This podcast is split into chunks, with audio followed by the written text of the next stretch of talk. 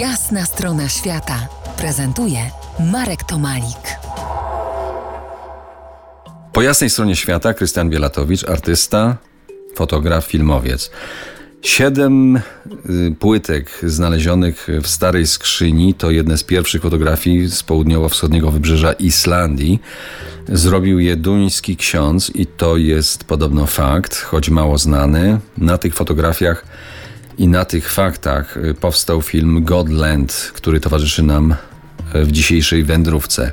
Technika fotografii koloidalnej. Białko z jajka smarowane na szklanej płytce i srebrny proszek. Wydaje się to nieskomplikowane w tamtych czasach, choć e, zupełnie inne od kliknięcia w ekran chociażby komórki.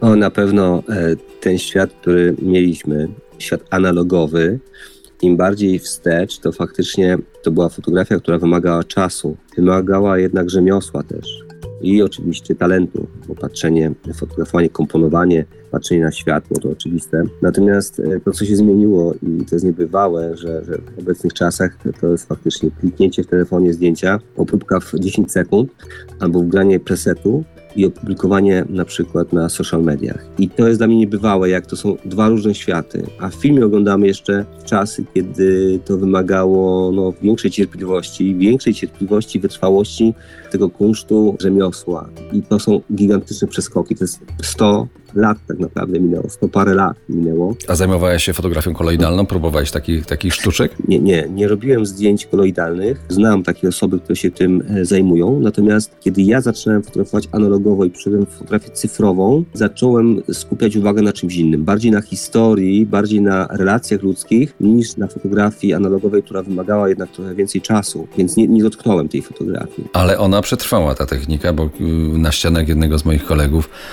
w Warszawie widziałem takie zdjęcie zrobione tą techniką i to całkiem, całkiem nawet na dzisiejszych czasach wychodzi, chociaż wtedy, cofnijmy się, tak jak mówiłeś, te 100 lat wcześniej, do fotografii koloidalnej, te odczynniki, które były używane, nie do końca były bezpieczne. Tak, na pewno bezpieczeństwo się zmieniło, BHP i tak dalej, to się bardzo zmieniło i obecnie możemy kupić oczywiście te wszystkie składniki w odpowiednich sklepach. I teraz znam wielu fotografów, którzy robią takie, takie zdjęcia i robią to naprawdę robią niesamowicie. Jest to technika używana do tej pory, chociaż niewielu się w tym specjalizuje. Myślę, że w Polsce jest takich kilku fotografów, może kilkunastu. Tak, to już jest przeszłość, a my do przyszłości za chwilę wrócimy. Wrócimy na Islandię za kilkanaście minut. Ciąg dalszy naszej rozmowy. Zostańcie z nami. To jest jasna strona świata w RMS Classic.